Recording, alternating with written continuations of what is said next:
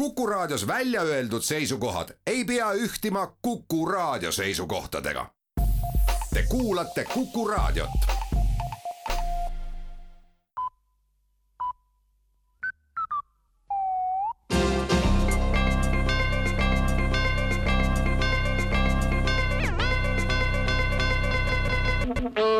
tere kuulama, uudistega eetris Rohke Debelak. Brüsseli poolt välja töötatud juhiste ja normatiivide kohaselt peavad Eesti elanikud kümne aasta jooksul muutuma viiekümne seitsme protsendi võrra ilusamaks põhjalik elanikkonna analüüs näitab, et Eestis on küll tuhandeid A-klassi iludusi, kuid veelgi rohkem on neid, kelle välimus kannatab kriitikat juba vähem. ka B-klassi iludus ei ole sugugi halb tulemus, aga valdavas enamikus on tegemist juba D, E ja F ning ka G kuni H ja I klassi iludustega ja neid on juba kordades rohkem. paiguti on täheldatud ka klassi iludusi ja see ei ole enam normaalne kasutada saab olukorra parandamiseks taastefondide vahendeid.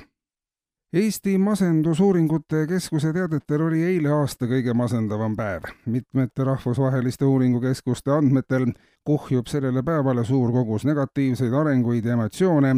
Eesti Masenduskeskuse uuringud näitavad, et lääne kolleegide arvutused vastavad ka siinmail tõele, arvutatud masenduskogus on õige Eesti Masendunute Keskliidu sõnul teeb eriti masendavaks kõige masendavama päeva puhul see, et aasta kõige masendavam päev ei erine Eestis kuidagi kõikidest teistest päevadest aastas politsei aga hoiatab, et identiteedivargused on jätkumas. iga päev puutub politsei üha sagedamini kokku inimestega, kes ei tea, kes nad on, mida nad teevad, kuhu nad teel on ja kui vanad nad on. on veel drastilisemaidki näiteid, kui inimestelt on varastatud ka oskus käia ja inimkeeli rääkida tihti avastab politsei seltskondade viisi inimesi, kelle käitumisest on kadunud kõik inimlikud jooned. mõnikord inimene saab oma identiteedi tagasi ja avastab siis, et on vahepeal poe taga maganud, käinud valimas või võtnud kiirlaenu. on juhtumeid, kus inimesele antakse vahepealseks kasutamiseks teine identiteet ja inimene arvab, et ta on kuningas, tuntud muusik või poliitik, mõni inimene jõuab selle toel ka parlamenti, hiljem ärgates on ehmatus suur, kui avastab, et talle on plaaster peale pandud ja enne auk pähe räägitud mida inimestelt röövitud identiteetidega peale hakatakse ja kuidas see vargusriik üldse toimib, on alles põhjalikuma juurdluse selgitada. Tallinna linnavalitsus aga annab teada, et linna allasutuste juhtivtöötajate koolituste tasustamine on võetud revideerimisele.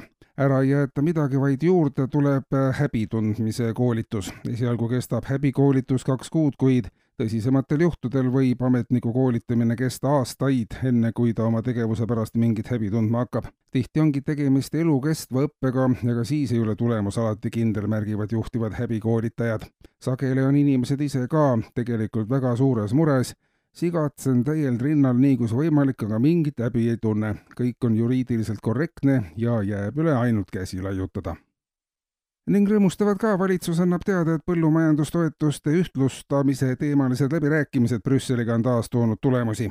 Eesti valitsuse pikaaegne soov tõsta Eesti põllumeeste toetused samale tasemele kui Lääne-Euroopas ei täitunud ka seekord, kuid Brüssel andis Eesti põllumehele loa teha kolm korda rohkem tööd, kui seda teevad Lääne-Euroopa ametivennad selline võimalus peaks väiksema toetusraha kuhjaga tagasi tegema ja andma isegi mõningase eelise. kui meede ennast õigustab, võetakse Eesti põllumeestelt toetusraha üldse ära ja suunatakse maadesse, kus inimestel ei lubata nii palju tööd teha kui Eestis.